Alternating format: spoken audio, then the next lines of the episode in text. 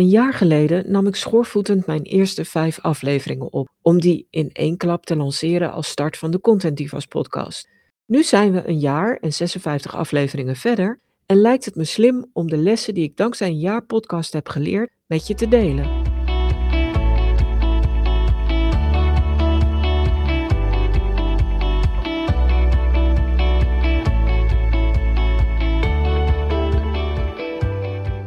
In totaal heb ik eigenlijk 10 contentlessen geleerd. Sommige duren wat langer, andere zijn heel kort en bondig. En ik wil ze hier met je delen. Mijn eerste en misschien wel een van de belangrijkste lessen is dat het kost meer tijd dan je denkt.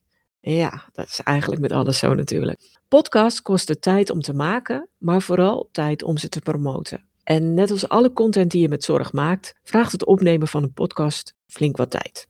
In mijn geval ongeveer een halve dag per week.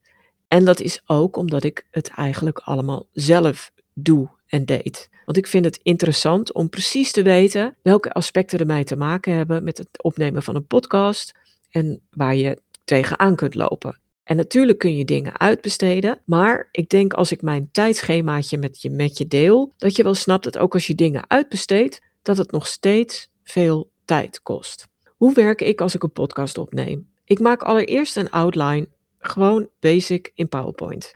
Hartstikke ruw, bullets en zinnen en van daaruit bouw ik een vertellend verhaal op, net als wanneer ik een presentatie geef. En het maken van zo'n outline kost mij ongeveer 30 tot 60 minuten. De een gaat sneller dan de ander. Soms ben ik echt eventjes iets langer bezig om het ook goed te structureren of om hier en daar nog een bron erbij te zoeken. Dus 30 tot 60 minuten. Dan het opnemen. Dat valt eigenlijk reuze mee. Dat kost tussen de 20 en 30 minuten per aflevering. En dat is ook omdat ik niet te veel overnieuw doe. Althans, in het begin wel, maar gaandeweg wat minder. En omdat mijn afleveringen over het algemeen tussen de 15 en de 20 minuten duren. Maar dan komt hij, het editen. Dat kost over het algemeen het dubbele aantal minuten van de opname. Dus zo'n 40 tot 60 minuten. En bij het editen reken ik ook het toevoegen van een intro en van een outro, overgangen, etc.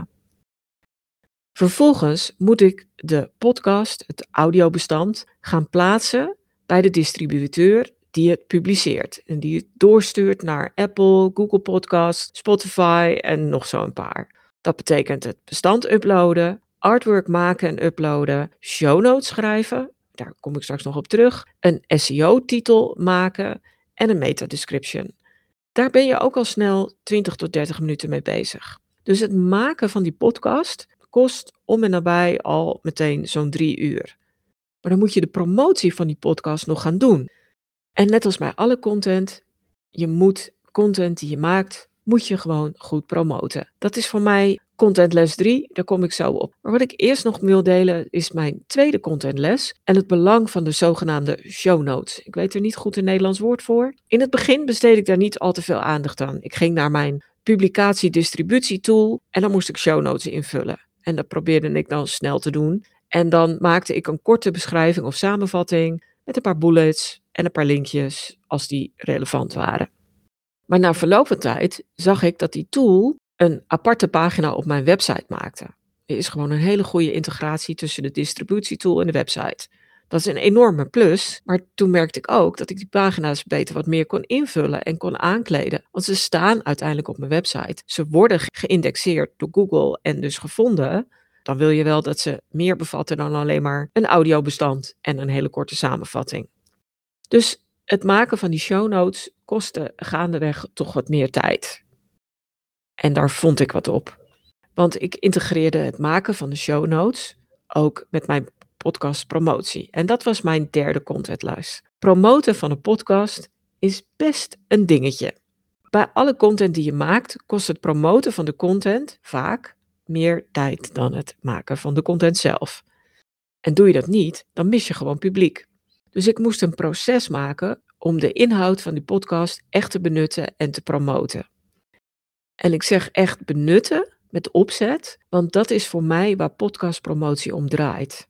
Je komt er namelijk niet als je alleen maar een linkje naar je podcast deelt. En je komt er ook niet als je een mooie audiogram maakt.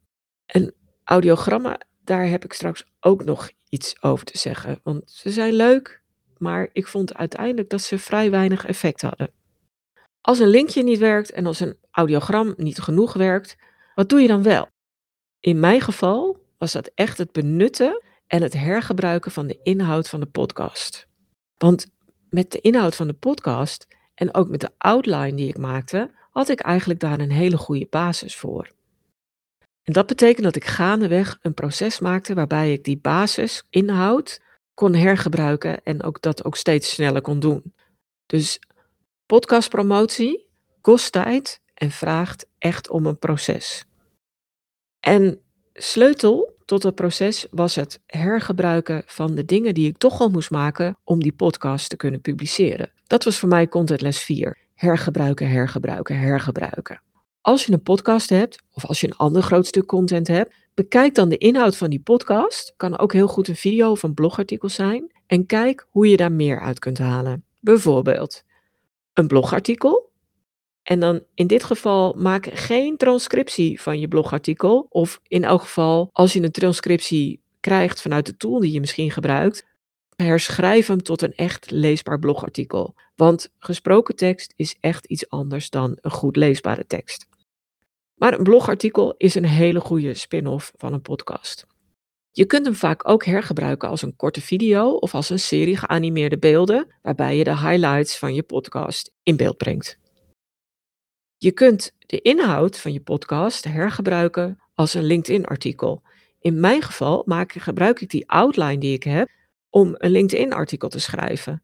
En daarmee kan ik in een vast stramien elke week een LinkedIn-artikel publiceren zonder dat het heel veel tijd of moeite kost.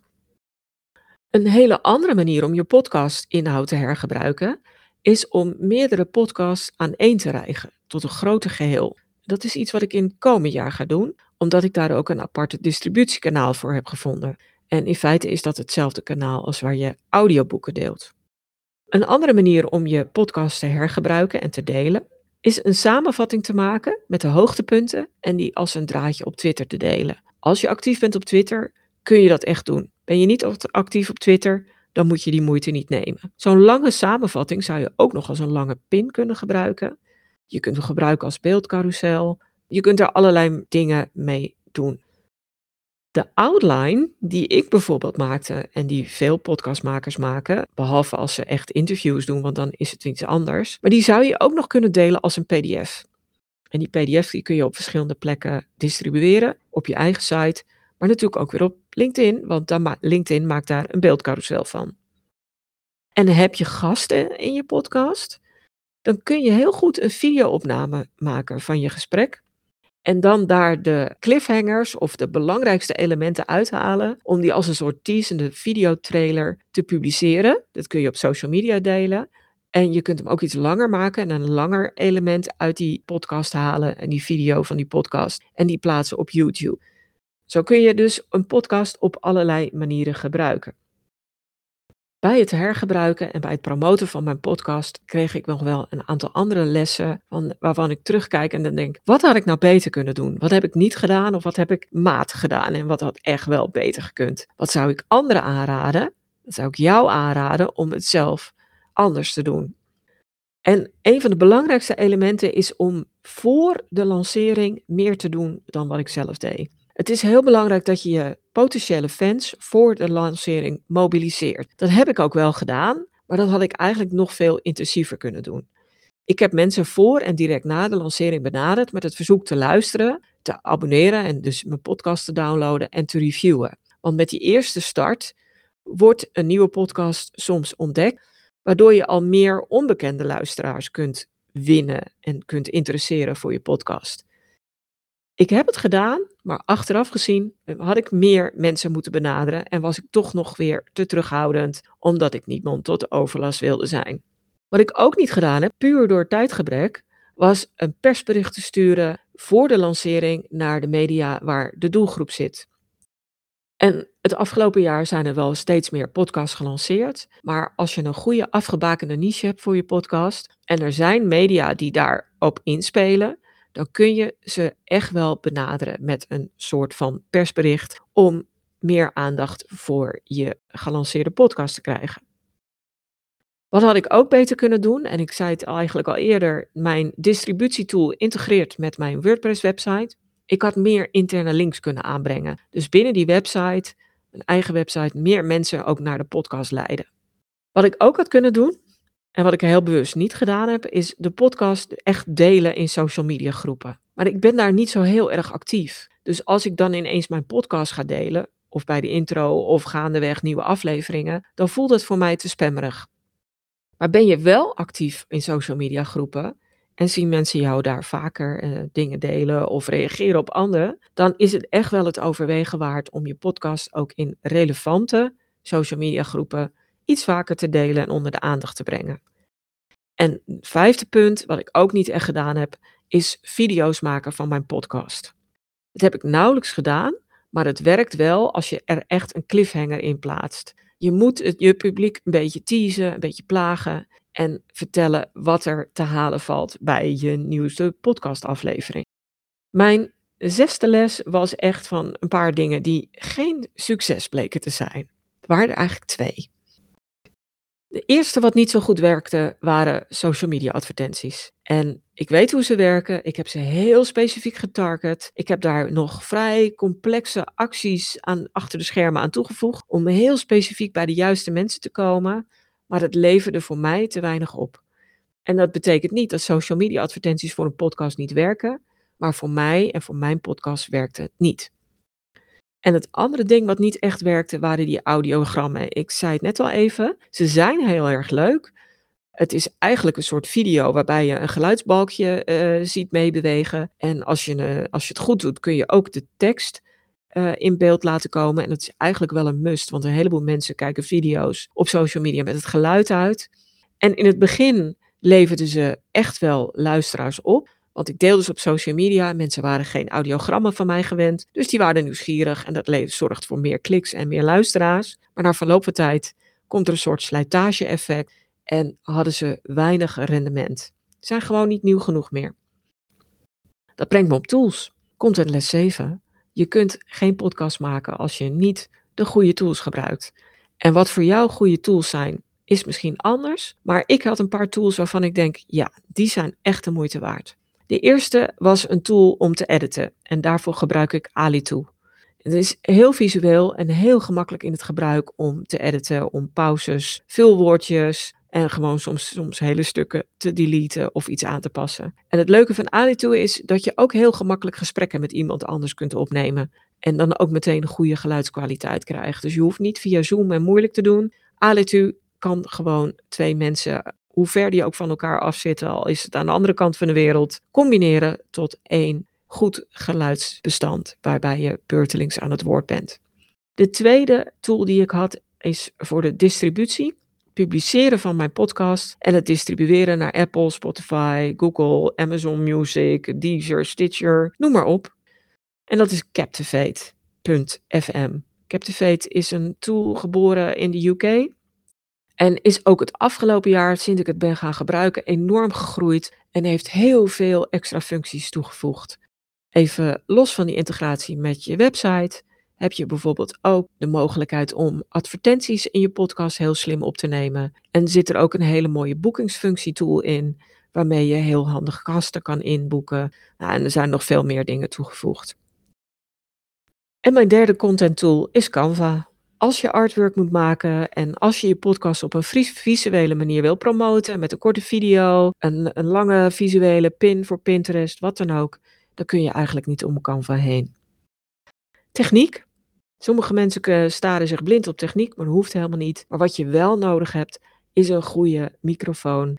En mocht je nieuwsgierig zijn, ik gebruik de rode podcastermicrofoon met een houder, zo'n zo arm met een houder waarin hij flexibel hangt, zodat als ik tegen mijn bureau stoot, dan hoor je dat niet. En er zit ook nog een anti-popfilter op, zodat je harde P's en T's ook wat meer dempt. Dus dat waren mijn content tools die ik het afgelopen jaar gebruikt heb en waar ik heel erg tevreden over ben.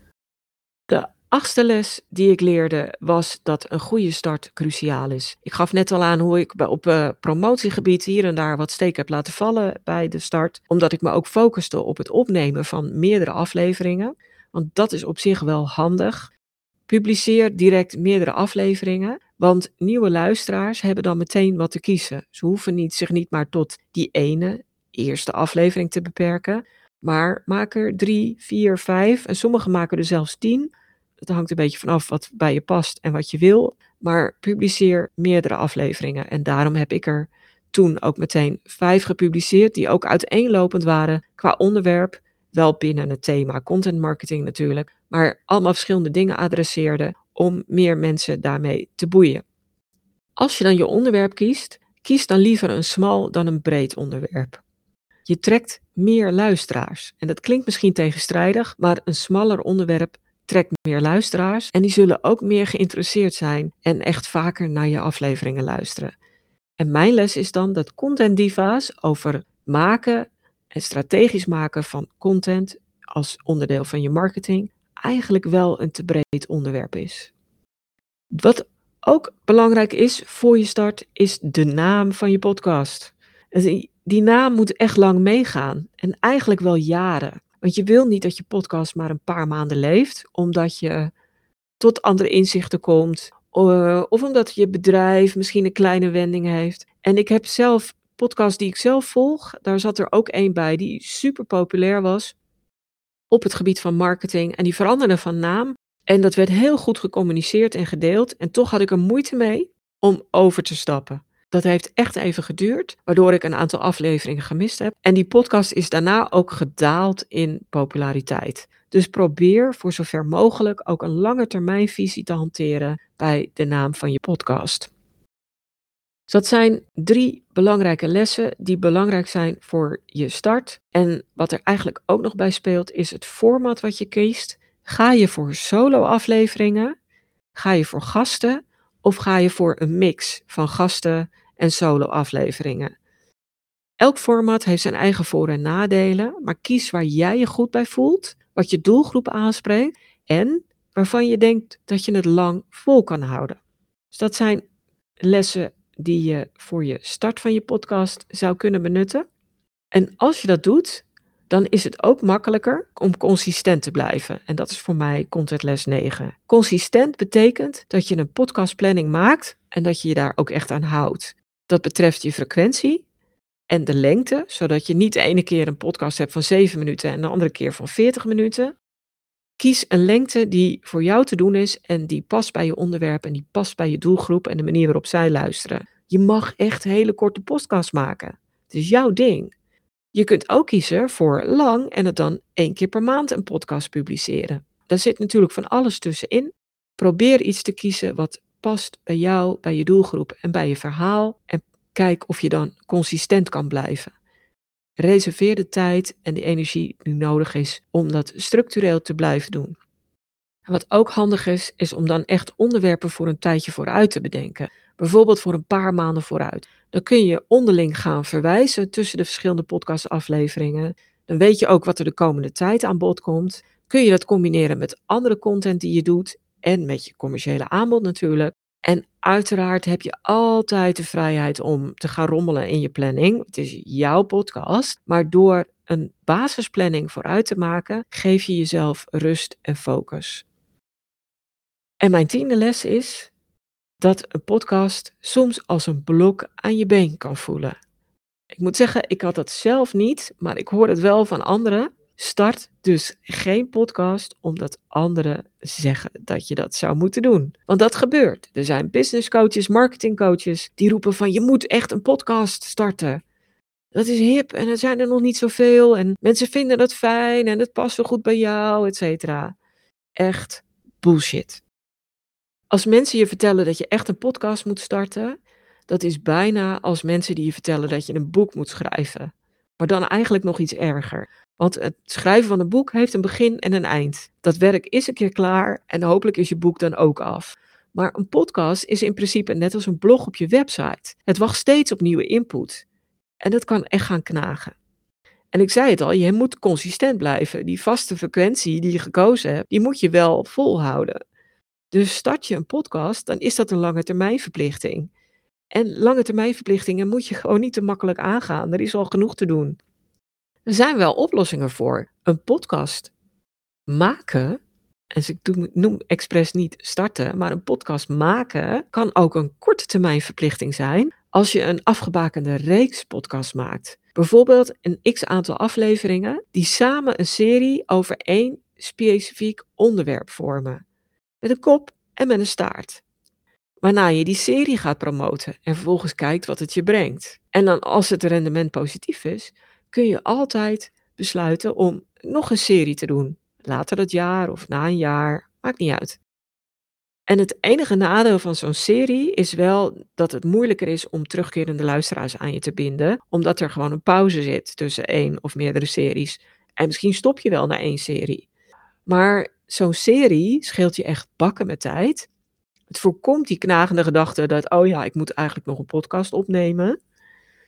En het voorkomt dus ook heel veel ballast. Op het moment dat je een onderwerp hebt dat zich wel daarvoor leent, ja, dan zou je bij wijze van proef eerst een korte serie podcast kunnen maken. Maar mijn contentles is echt, laat je niet overhalen door verhalen van anderen dat je het ook zou moeten doen. Vaar je eigen koers. Kijk naar jouw bedrijf. Kijk naar je strategieën, je marketingstrategie. Kijk naar de content die erbij hoort en het format wat erbij hoort. En kijk pas op da basis daarvan of dan een podcast geschikt zou zijn. Maar laat je niet verleiden doordat podcasts hip en happening zijn. Dat is echt onzin. En zoals je hoort heb ik veel geleerd van het maken van de podcast. Want door het zelf te doen en alle tips in de praktijk te brengen, leer je altijd nog het meest. Ik zou het ook niet willen missen en ik ga ook echt wel door met de podcast. Ondanks de belemmeringen die ik zojuist met je gedeeld heb. Voor mij heeft die podcast bovendien een extra bonus. En dat is dat ik hierdoor extra goed weet wat ik qua podcast wel en niet aan mijn klanten kan adviseren. Maar er komen wel een paar aanpassingen aan. Want ik tel alle plussen en minnen bij elkaar op. Dat moet je ook eigenlijk altijd doen met alle content die je publiceert. Met je blog, met video's en dus ook met een podcast. En dan weeg je alle plussen en minnen tegen elkaar af. En dan maak je een aantal koerswijzigingen. Daar ben ik nu mee bezig. En dat betekent dat de podcast in de komende tijd een iets andere frequentie gaat krijgen, waarschijnlijk. En op een iets andere manier afgebakend en gebracht gaat worden. Maar dat is iets voor de volgende ronde en voor het volgende seizoen van mijn podcast. En ik hoop dat je ook iets aan deze podcastlessen van mij hebt. Want tenzij podcasten een hobby voor je is, is het vooral belangrijk dat je podcast aan de verwachtingen van klanten en potentiële klanten voldoet en bij hen iets teweeg brengt. Maar vooral dat het iets teweeg brengt in je bedrijf en dat het het rendement oplevert wat je oorspronkelijk voor ogen stond. Dat is ook waarom je een podcast uiteindelijk zakelijk inzet. Wordt vervolgd. Dankjewel voor het luisteren. Voel je zeker vrij om deze aflevering van de Content Divas podcast met anderen te delen als je denkt dat dit van pas kan komen. En heb je zelf een handige tip of inzicht opgedaan met deze aflevering, dan hoop ik dat je een review wil achterlaten. Heb je nog meer vragen? Zoek je meer informatie? Neem dan zeker een kijkje op de website. Die vind je op stroop.nl met dubbel S. En daar vind je natuurlijk ook die handige content kennisbank waar je allerlei gratis checklists, stappenplannen, handleidingen en nog veel meer kunt vinden.